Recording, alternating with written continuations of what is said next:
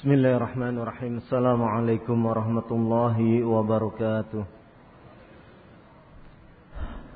إن الحمد لله نحمده ونستعينه ونستغفره ونعوذ بالله من شرور أنفسنا ومن سيئات أعمالنا من يهده الله فلا مضل له ومن يضلل فلا هادي له. أشهد أن لا إله إلا الله وحده لا شريك له. وأشهد أن محمدا عبده ورسوله.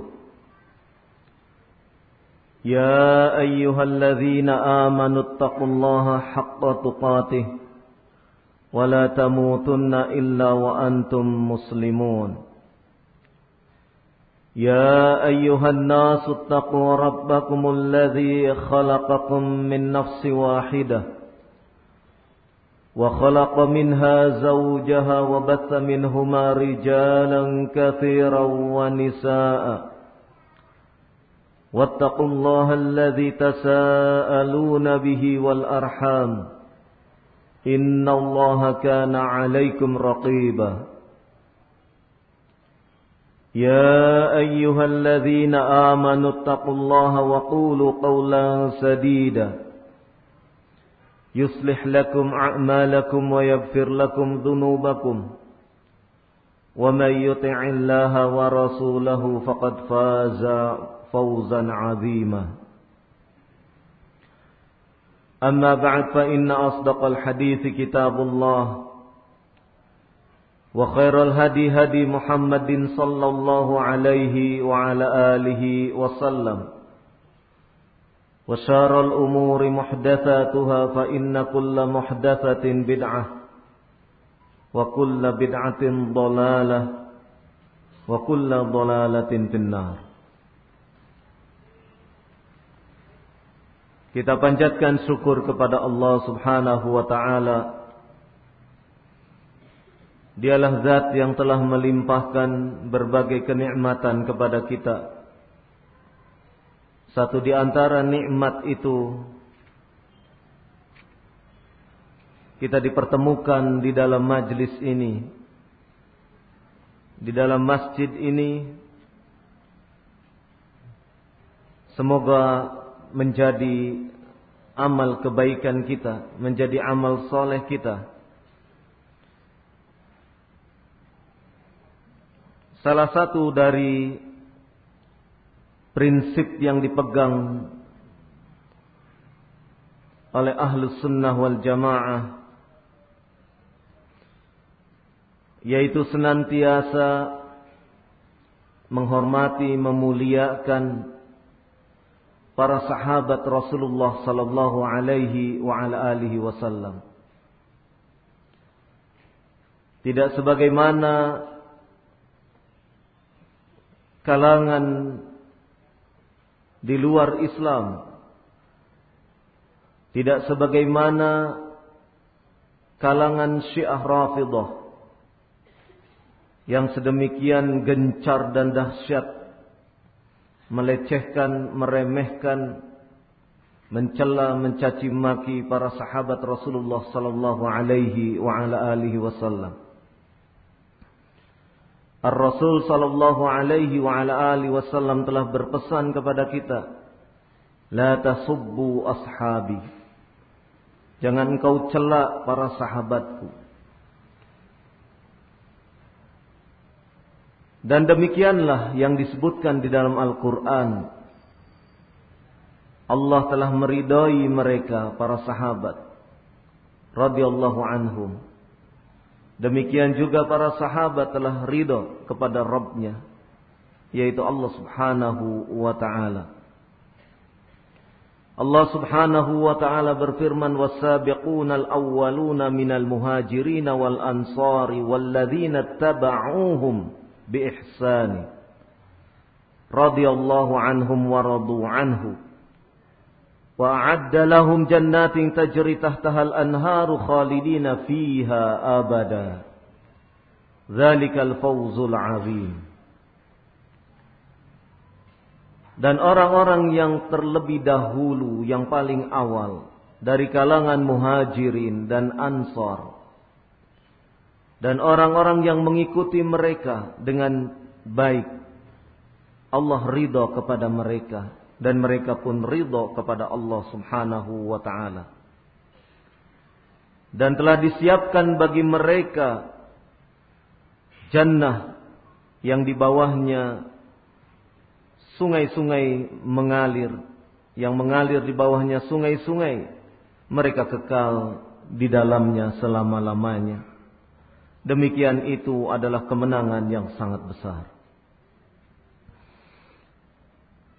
Inilah salah satu firman Allah Subhanahu wa taala yang menyebutkan tentang kemuliaan para sahabat yang menyebutkan tentang tingginya kedudukan mereka setelah Rasulullah sallallahu alaihi wa ala alihi wasallam. Dan Nabi sallallahu alaihi wasallam pun menyebutkan sebagaimana disebutkan di dalam As-Sahihain Hadis dari Abdullah bin Mas'ud radhiyallahu anhu di mana Rasulullah sallallahu alaihi wa ala alihi wasallam bersabda, "Khairun nas qarni, thumma alladhina yalunahum, thumma alladhina yalunahum." Sebaik-baik manusia adalah pada kurunku, pada masa di mana aku hidup di dalamnya kemudian orang-orang yang setelahnya, dan kemudian orang-orang yang setelahnya. Penegasan dari Rasulullah sallallahu alaihi wasallam yang menyebutkan bahwasannya sebaik-baik manusia adalah yang hidup pada masa zaman di mana beliau sallallahu alaihi wa ala alihi wasallam berada. Ini menunjukkan bahwasanya para sahabat adalah orang-orang yang mendapatkan pujian dari Rasulullah sallallahu alaihi wasallam. Demikian juga disebutkan di dalam Sahih Muslim ketika hadis dari Aisyah radhiyallahu anha ketika ada seseorang bertanya kepada Nabi sallallahu alaihi wa ala alihi wasallam Sa'ala rajulun an-nabiyya sallallahu alaihi wa ala alihi wasallam. Ayyun nasi khairun. Seseorang bertanya kepada Rasulullah sallallahu alaihi wa ala alihi wasallam. Siapakah manusia yang terbaik itu? Maka qala jawab Nabi sallallahu alaihi wa ala alihi wasallam al-qarnul ladzi ana fihi thumma thani thumma thani thumma thalith Manusia yang terbaik adalah manusia yang hidup pada zaman di mana saya berada di dalamnya. Kata Rasulullah sallallahu alaihi wa ala alihi wasallam. Kemudian yang kedua, kemudian yang ketiga, Generasi berikutnya, generasi yang kedua, generasi berikutnya, generasi yang ketiga. Inilah sebaik-baik manusia. Oleh karenanya,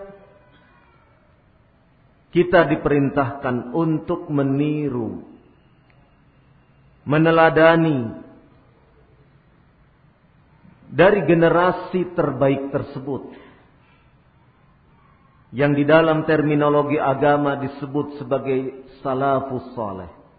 Salafus saleh. Orang-orang terdahulu yang saleh. Siapa mereka? Yaitu para sahabat. Para sahabat radhiyallahu anhum. Para sahabat yang mengitari Rasulullah sallallahu alaihi wa ala alihi wasallam. Dan demikianlah yang dijelaskan oleh para ulama sebagaimana disebutkan bahwasannya ketika ada orang yang bertanya kepada Abu Aliyah Ar-Riyahi sebagaimana termaktub di dalam tafsir Al-Imam Ibnu Jarir ya, dengan sanad yang hasan ya, anna Hamzah Ibn Al-Mughirah qala sa'altu Abu Aliyah an qaulillahi ta'ala. اهدنا الصراط المستقيم. قال هو رسول الله وصاحباه من بعده أبو بكر وعمر. قال فأتيت الحسن فأخبرته بذلك يعني ما رأيك؟ فقال صدق ونصحه.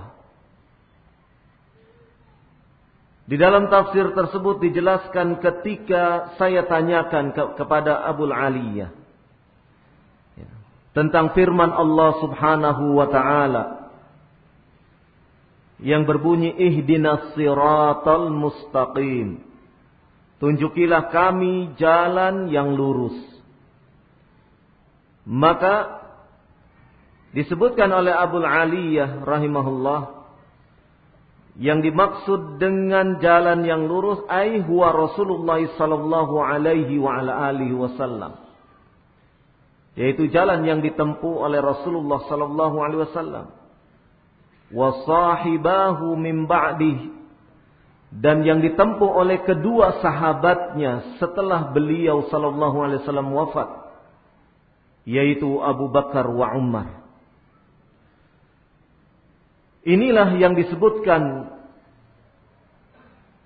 di dalam kitab tafsir bagaimana para sahabat radhiyallahu anhum itu menempati kedudukan yang mulia. Dan di dalam keterangan dari tafsir ini menyebutkan bagaimana Abu Bakar dan Umar radhiyallahu anhuma mendapatkan kedudukan yang mulia.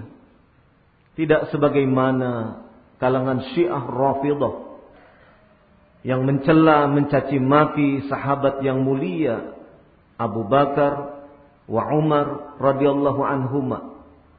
Orang-orang Syiah Rafidah mengatakan Abu Bakar wa Umar sanamai Quraisy. Dua berhala Quraisy. Sebuah penghinaan, sebuah pelecehan, caci maki yang tidak sepatutnya diberikan kepada orang-orang yang mulia.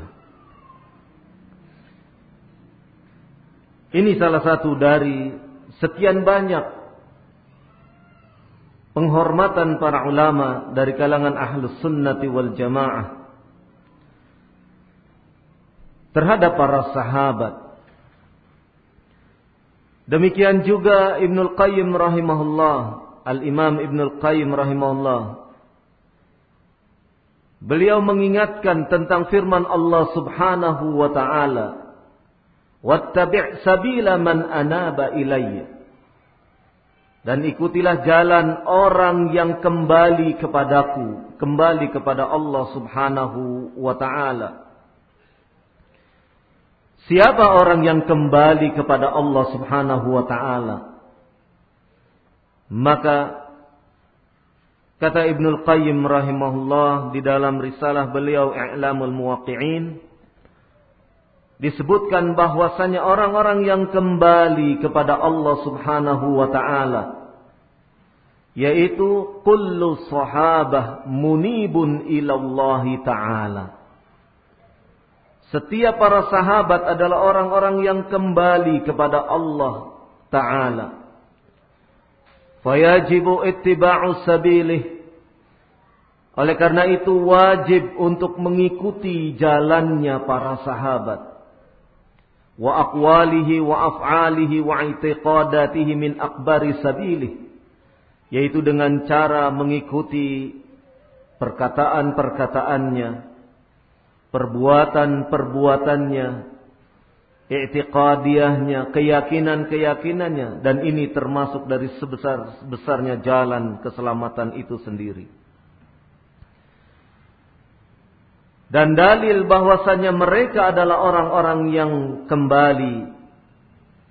Sesungguhnya Allah subhanahu wa ta'ala telah menunjuki mereka para sahabat. Menunjuki mereka dengan Islam. Para sahabat berpegang teguh kepada al-Islam. Dalam surat Ash-Shura disebutkan pada ayat ke-13. Wa yahdi ilaihi man yunib dan dia Allah subhanahu wa ta'ala menunjuki kepadanya orang yang kembali. Ikhwafidin azakumullah.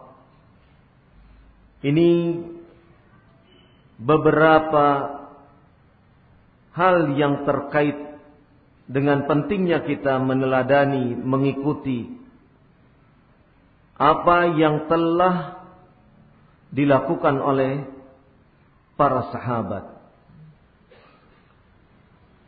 Oleh karenanya,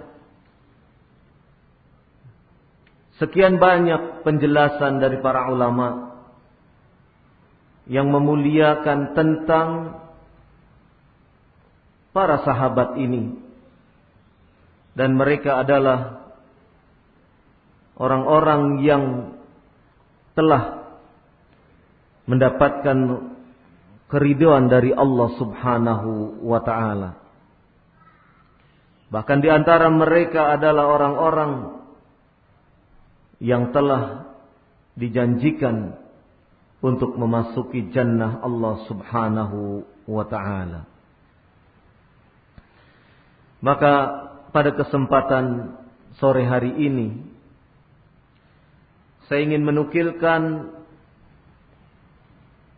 kisah dari kehidupan semasa Rasulullah sallallahu alaihi wa alihi wasallam masih hidup. Kisah yang bisa kita petik ibrah ataupun pelajarannya. Kisah yang setidaknya bisa menginspirasi kita untuk beramal soleh dengan lebih baik lagi. Ikhwafidin azakumullah. Ketika di negeri kita sedang digalakkan pembentukan karakter untuk segenap anak-anak bangsa. Maka penukilan kisah-kisah sahabat sahabat Rasulullah sallallahu alaihi wa ala alihi wasallam merupakan salah satu upaya untuk mendekatkan figur kepada diri kita anak-anak kita generasi dari kaum muslimin yang sebahagian dari mereka telah kehilangan figur, telah kehilangan orang-orang yang patut untuk diteladani. Maka mendekatkan kisah-kisah perjuangan amaliyah yang telah dilakukan oleh para sahabat radhiyallahu anhum adalah merupakan salah satu bentuk upaya menanamkan karakter yang mulia kepada diri anak-anak bangsa. Kalau kita melihat apa yang telah dilakukan oleh para sahabat dan satu di antaranya yang ingin diungkap kisahnya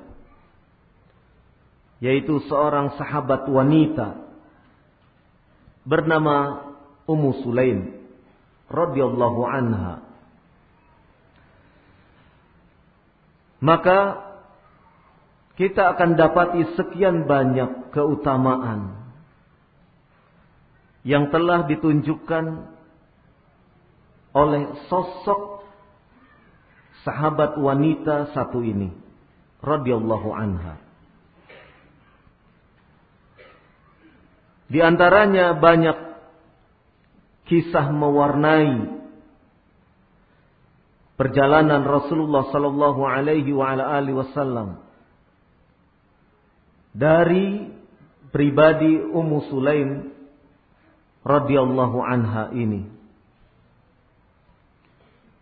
Pertama yaitu ketika Rasulullah sallallahu alaihi wa ala alihi wasallam berselang beberapa saat tiba di kota Madinah dari hijrah beliau hijrah beliau dari Makkah ke Madinah. Kemudian seorang wanita beserta anak laki-lakinya yang masih berusia 10 tahun datang kepada Nabi sallallahu alaihi wa ala alihi wasallam. Wanita tersebut menyatakan kepada Rasulullah sallallahu alaihi wa ala alihi wasallam Ya Rasulullah, hadza Anas. Yakhdumuka. Wahai Rasulullah sallallahu alaihi wa ala alihi wasallam, ini Anas yang akan membantu dirimu. Ummu Sulaim sebagai seorang ibu menyerahkan anaknya Anas bin Malik radhiyallahu anhu diserahkan kepada Rasulullah sallallahu alaihi wa ala alihi wasallam agar anaknya bisa membantu Rasulullah sallallahu alaihi wasallam.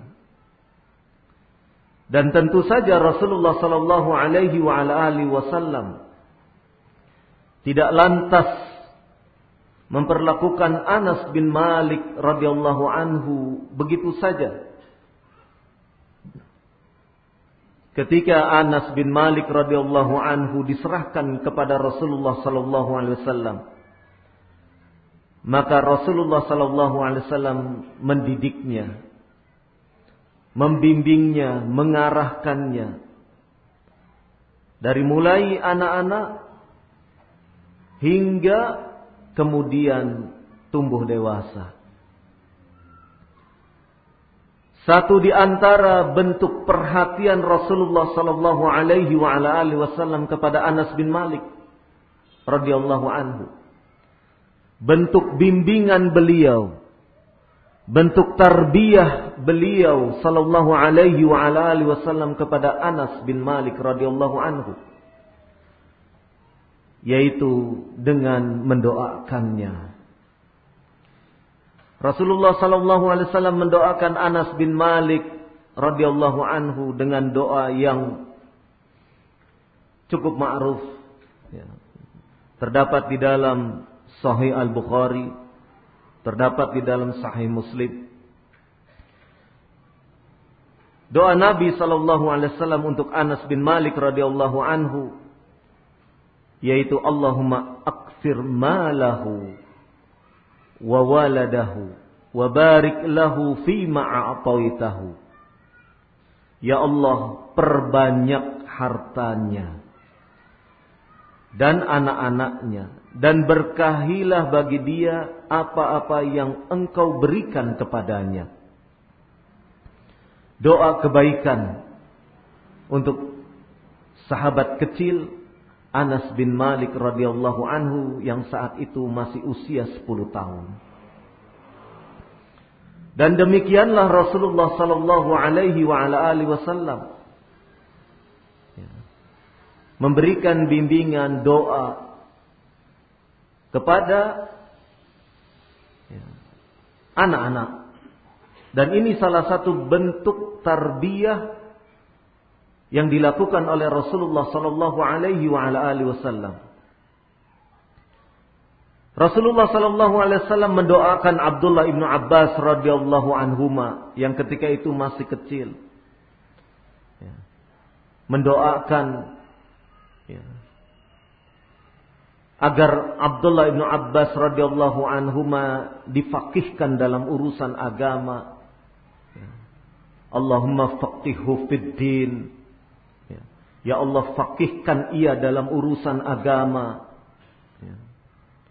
wa'allamuhu at-ta'wil dan ajarkan kepada dia at-ta'wil ay maksudnya adalah at-tafsir sehingga kemudian Abdullah ibn Abbas radhiyallahu anhuma mendapatkan julukan sebagai penerjemah Al-Qur'an dalam hal ini penafsir Al-Qur'an dan hibrul ummah tinta umat karena ilmunya tak pernah habis. Itu di antara bentuk bimbingan, bentuk tarbiyah dari Rasulullah Sallallahu Alaihi Wasallam kepada anak-anak. Demikian juga ketika Rasulullah Sallallahu Alaihi Wasallam berkunjung ke perkampungan Ansar. Rasulullah Sallallahu Alaihi Wasallam disebutkan di dalam hadis itu.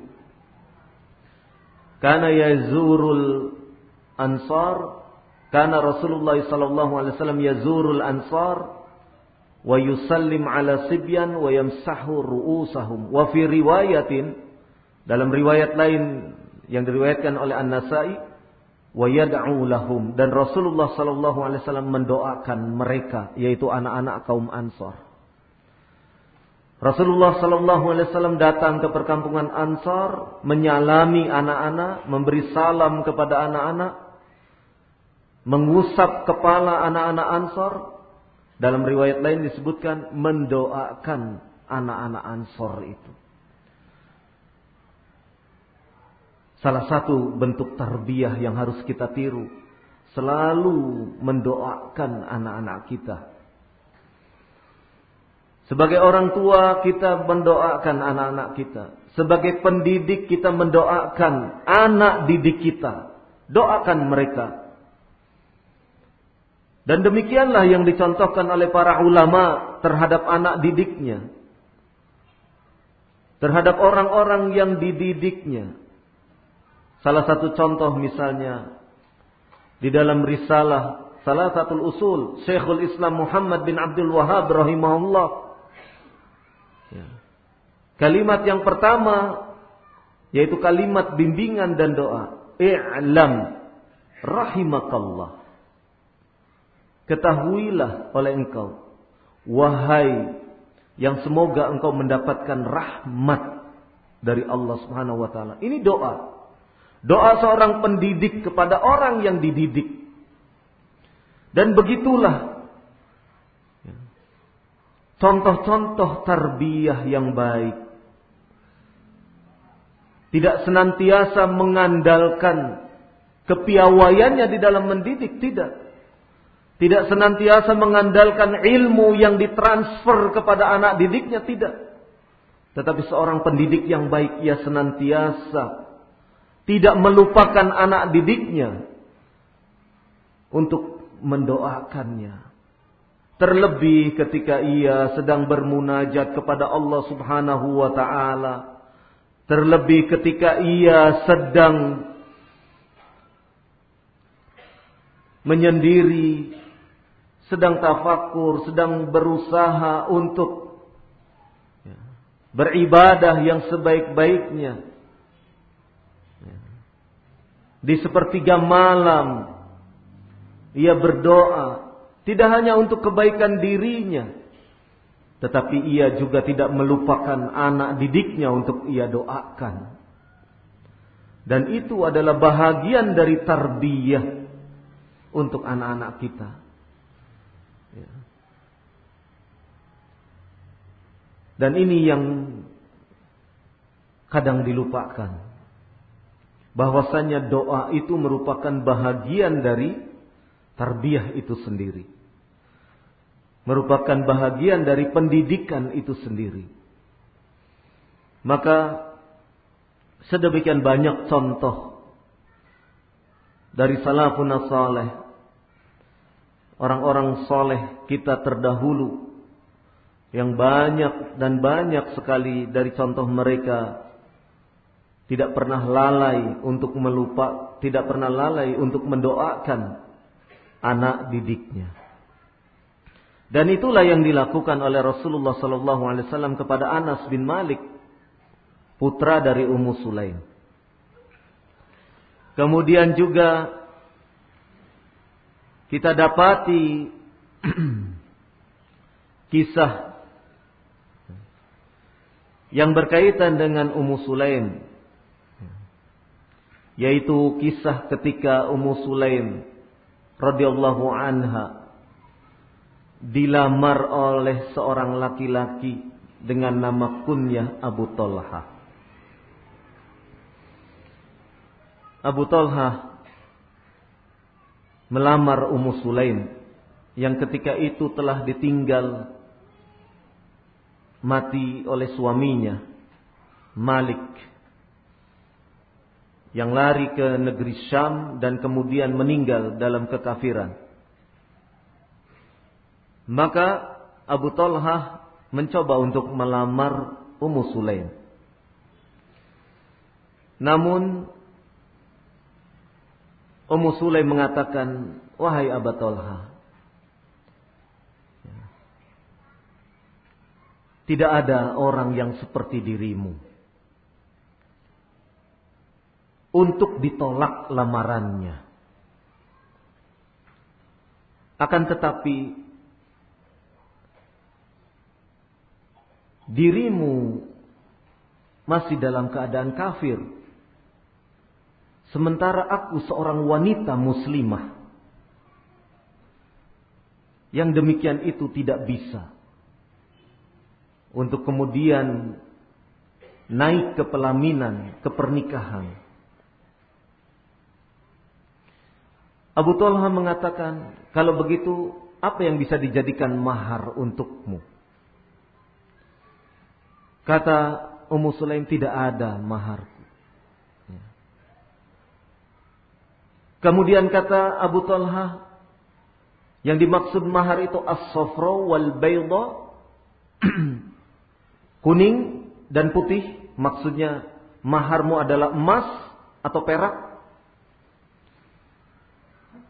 kemudian kata Ummu Sulaim radhiyallahu anhu radhiyallahu anha fa inni la uridu safra wala bayda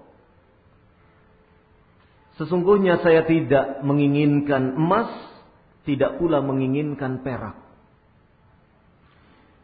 Uridu minka al-Islam. Namun saya menginginkan kalau pernikahan itu terjadi, mahar darimu adalah Islamnya dirimu. Inilah yang diminta, mahar yang diminta oleh Ummu Sulaim. Agama. Menginginkan agar Abu Talha Islam berislam, memeluk Islam dan itulah maharnya. Menunjukkan bahwasannya beliau radhiyallahu anha adalah wanita mulia. Wanita mulia yang lebih mengutamakan agama dibandingkan harta kekayaan. Karena sebelumnya beliau ditawari as-safra wal bayda emas atau perak.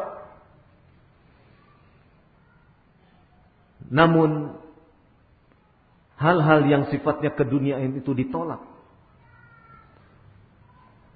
Saya tidak menginginkan mahar itu hanya sifatnya keduniaan.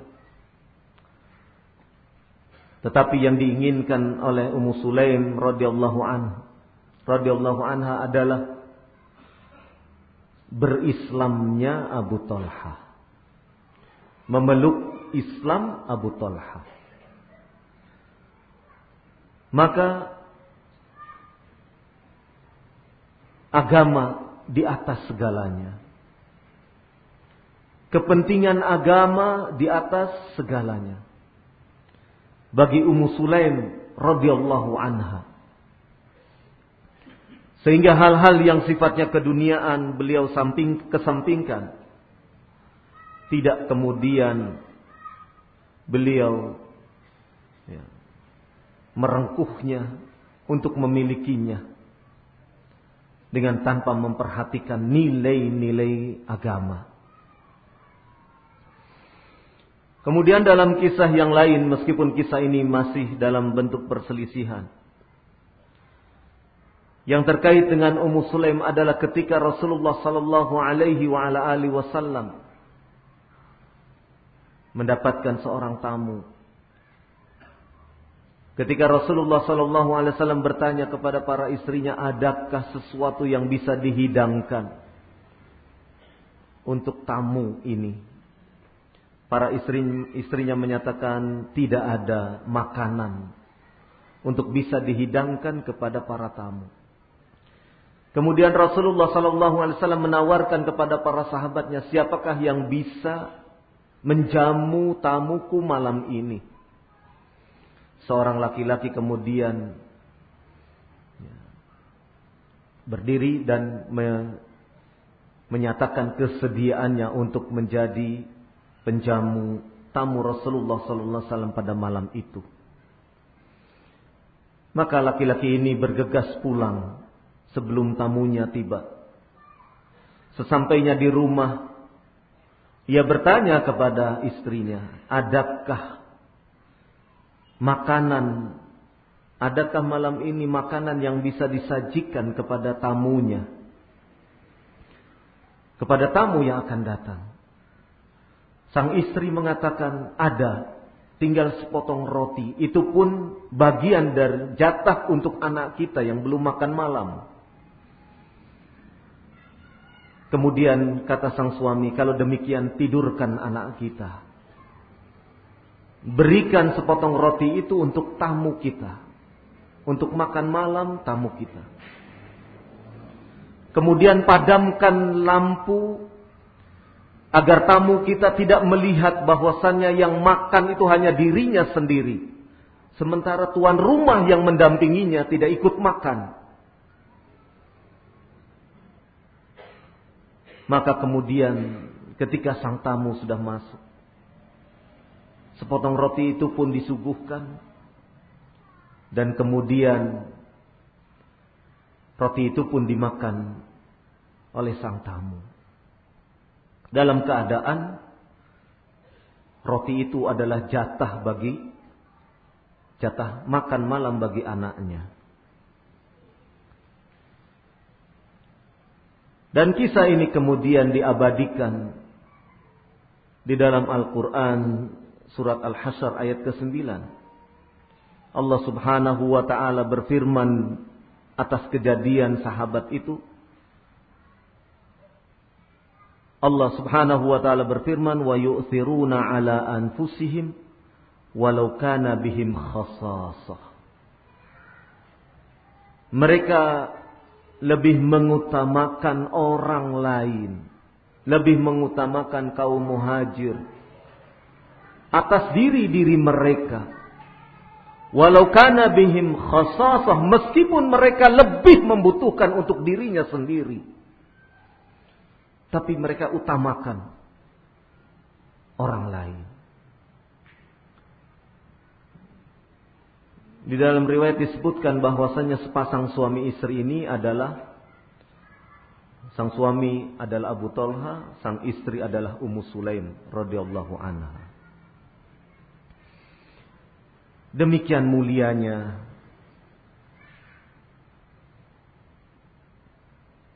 amalan para sahabat Rasulullah sallallahu alaihi wa ala alihi wasallam. Dan sekian banyak kisah-kisah yang terkait dengan Ummu Sulaim ini. Di antaranya lagi disebutkan saya nukilkan dari kitab Riyadus Salihin yang ditulis oleh Al-Imam An-Nawawi rahimahullah. Hadisnya dinukil dari dari riwayat Imam Muslim yaitu kisah Ummu Sulaim ya, disebutkan di sini qala mata ibnun li Abi Talhah min Ummu Sulaim radhiyallahu an ketika putra Abi Tolha dari Ummu Sulaim meninggal dunia. Faqalat li ahliha Maka kemudian Ummu Sulaim berkata kepada saudara-saudaranya, kepada keluarganya, La tuhaddithu Aba Talha bibnihi hatta akuna ana uhaddithu. Jangan sekali-kali ceritakan tentang anaknya yang sudah meninggal dunia, tentang anaknya Abu Talha yang sudah meninggal dunia kepada Abu Talha. Ya. Jadi ketika itu suaminya Abu Talha sedang bepergian. Putranya, putra Abu Talha dari Ummu Sulaim ini meninggal dunia. Maka kata Ummu Sulaim kepada yang lain, jangan ceritakan ini dulu. Jangan sampaikan berita kematian anaknya ini kepada Abu Talha. Biarkan saya nanti yang akan menyampaikannya.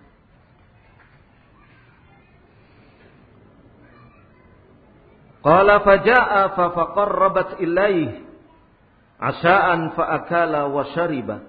Maka kemudian Abu Abu Talha pun tiba. Abu Talha tiba masuk ke rumah dan kemudian Ummu Sulaim menyediakan makan malam, jamuan makan malam untuk suaminya yang baru tiba di rumah. Fa'akala wa syariba kemudian Abu Talha pun makan. Abu Talha pun minum. Thumma kemudian tasanna'at lahu ahsana ma kanat tasanna'u qabla dhalik. Kemudian Ummu Sulaim radhiyallahu anha radhiyallahu anha berdandan secantik-cantiknya berdandan. Ya. Belum pernah berdandan berhias secantik itu sebelumnya.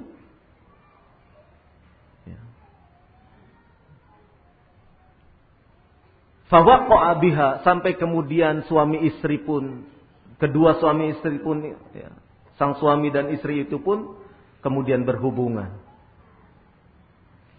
Falamma an ra'at annahu qad sabi'a wa asaba minha maka ketika Ummu Sulaim sudah melihat suaminya sudah kenyang bahkan sudah berhubungan dengan dia suaminya sudah dalam keadaan jiwanya siap untuk menerima berita kematian putranya. Ya, maka Ummu Sulaim baru menyampaikan berita kematian tentang anaknya Abu Talha. Qalat, ya Abu Talha, Wahai Abu Talha. Ara'aita law anna qauman a'aru 'ariyatahum ahla baitin fatalabu 'ariyatahum alahum ayyamna'uhum Wahai Abu Talha. Seandainya satu kaum memberikan pinjaman mereka meminjamkan sesuatu kepada tuan rumahnya Kemudian setelah itu mereka kaum tersebut yang meminjamkan itu meminta kembali barang yang dipinjamkannya itu kepada tuan rumahnya. Alahum ayam na'uhum. Apakah engkau sebagai tuan rumahnya kemudian menolak untuk tidak mau memberikan barang pinjaman itu? Kala maka kata Abu Talha. La, tidak demikian. Ya, tentunya barang pinjam itu diberikan kepada orang yang meminjamkannya. Karena sudah diminta. Faqalat maka kata Ummu Sulaim radhiyallahu anha fahtasib ibnaka maka sekarang engkau bermohonlah pahala bersabar dan bermohonlah pahala atas kematian putramu. Berita kematian ini disampaikan kepada suaminya. Ya. Luar biasa kisahnya. Bagaimana seorang istri ya, tidak langsung suaminya datang cerita ba ba ba ba ba ba. Ya. Suami kaget, tidak demikian. Ummu Sulaim ya, sedemikian rapih menata sehingga suaminya bila perlu jangan sampai terusik dengan berita sedih tentang kematian putranya itu. Luar biasa. Seorang istri yang ingin sekali membahagiakan suaminya. Seorang istri yang tidak ingin terlihat pada diri suaminya kesedihan. Walaupun secara manusiawi putranya meninggal dunia tentu sedih. Tetapi bagaimana upaya untuk bisa meminimalisir hal-hal yang tidak diinginkan, hal-hal yang kemudian tidak jangan sampai terjadi hal-hal yang tidak diinginkan itu. Ya.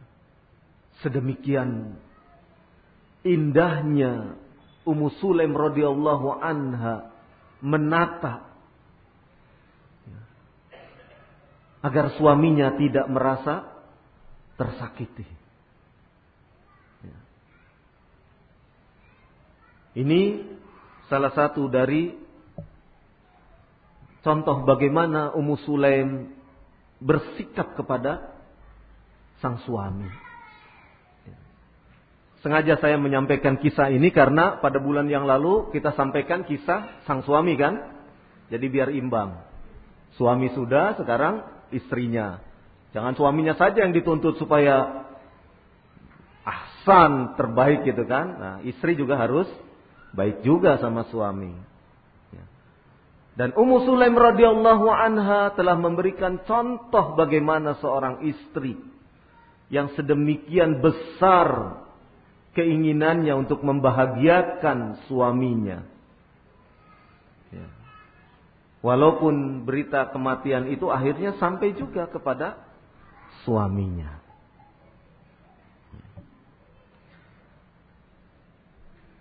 Qala kemudian faghadiba bagaimanapun juga Abu Talha ya, kemudian terusik dan tampak marah.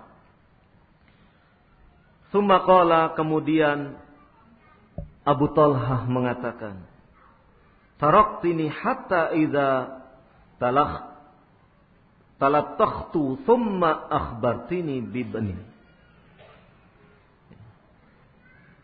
Kata Abu Talha radhiyallahu anhu, engkau biarkan diriku seperti ini. Hingga aku berlumuran menjadi laki-laki yang sudah dalam keadaan junub. Kemudian engkau baru kabarkan tentang kematian anakku. Ekspresi dari Abu Talha. Fantolako maka Abu Talha pun keluar dari rumah. Hatta ata Rasulullah sallallahu alaihi wasallam kemudian berjumpa menemui Rasulullah sallallahu alaihi wa ala alihi wasallam. Ya. Fa akhbarahu bima kana. Maka kemudian Abu Talha radhiyallahu anhu mengabarkan apa yang terjadi di rumahnya kepada Rasulullah sallallahu alaihi wa ala alihi wasallam. Faqala Rasulullah sallallahu alaihi wa ala alihi wasallam. Kemudian Rasulullah sallallahu alaihi wasallam mendoakan Abu Talha. Barakallah fi lailatikuma. Semoga Allah memberkahi memberikan keberkahan malam itu bagi kalian berdua. Maka kemudian Ummu Sulaim radhiyallahu anha pun hamil. Dikaruniai lagi calon anak. Doa dari Nabi sallallahu alaihi wa ala alihi wasallam. Maka ikhwah fiddin azakumullah. Ini di antara kisah terkait dengan Ummu Sulaim radhiyallahu anha. Dan manakala kita bisa memetik kisah yang sedemikian agung ini untuk kita jadikan sebagai ibrah pelajaran bagi kita Bagaimana seorang istri yang sedemikian besar ingin berbakti kepada sang suami. Bagaimana seorang istri yang sedemikian besar ingin menyenangkan sang suami. Dan bagaimana teladan kisah yang memberikan keteladanan apa yang dilakukan oleh seorang istri yang menginginkan sang suami tidak dalam kemudian bersedih ataupun hal-hal yang kurang baik. Bagaimana seorang istri ingin menjaga semuanya. Dan itulah yang dicontohkan oleh Ummu Sulaim radhiyallahu anhu. Bagaimana seorang istri menyediakan jamuan makan untuk sang suami. Yang tentunya menyediakan jamuan makan ini ya, sedemikian rupa tidak sekedar makanannya yang disediakan. Tapi bentuk sikap, bentuk perilaku. Ya, walaupun makanannya enak, kalau sikap menyuguhkannya tidak enak, hmm, yuk, makan. Ya kan tetap nggak enak makanannya. Tapi walaupun makanannya sederhana, ya, ya tempe tahu, ya, atau makanan yang seadanya lah, adanya bebek gorengnya disuguhkan, adanya sate disuguhkan, seadanya. Ya. Tapi dengan penyajian yang sedemikian rupa, menyenangkan, orang pun akan senang. Walaupun hanya lauk pauknya atau nasinya sederhana saja. Ya. Ini merupakan satu bentuk ya, perilaku. Ya. Sedemikian besar perilaku seorang istri itu, sedemikian besar memberikan pengaruh ya, kepada suami. Dan suami pun sedemikian besar pula kemudian menimpali sikap-sikap baik sang istri itu dengan baik pula. Ya, tidak kemudian mencaci maki makanannya. Kok suguhannya cuma ini saja? Dari kemarin cuma tempe dan tempe terus. Tidak senantiasa berkeluh kesah. Ya. Menerima kona'ah apa yang disuguhkan. Bila sudah terjadi timbal balik seperti ini, satu dengan lainnya saling memahami, satu dengan lainnya saling menunjukkan sikap yang baik, maka ya, semoga Allah Subhanahu wa Ta'ala kemudian memberkahi hubungan suami istri tersebut di dalam kehidupan keluarganya. Ikhwafidin azakumullah demikianlah barangkali yang bisa saya sampaikan. Satu kisah yang mudah-mudahan bisa kita petik hikmah dari kisah tersebut, pelajaran dari kisah tersebut. Betapa banyak kisah-kisah yang perlu kita konsumsi, yang perlu disuguhkan kepada anak-anak kita Kisah-kisah para sahabat wanita yang perlu kita kisahkan, kita ceritakan kepada anak-anak perempuan kita. Kisah-kisah kehebatan perjuangan para sahabat radhiyallahu anhum untuk anak-anak putra-putri kita. Kisah perjuangan mereka. Yang kisah-kisah itu akan membentuk karakter mereka. Oh begini sahabat Bilal bin Rabbah radhiyallahu anhu. Oh begini sahabat Hamzah. Oh begini sahabat Abu Hurairah dan seterusnya. Sungguh indah manakala kisah-kisah ini kita nukilkan, kita sampaikan kepada anak-anak kita. Ya. Melalui metode berkisah ini, mudah-mudahan diri kita, anak-anak kita, semua istri kita bisa memetik pelajaran-pelajaran tersebut.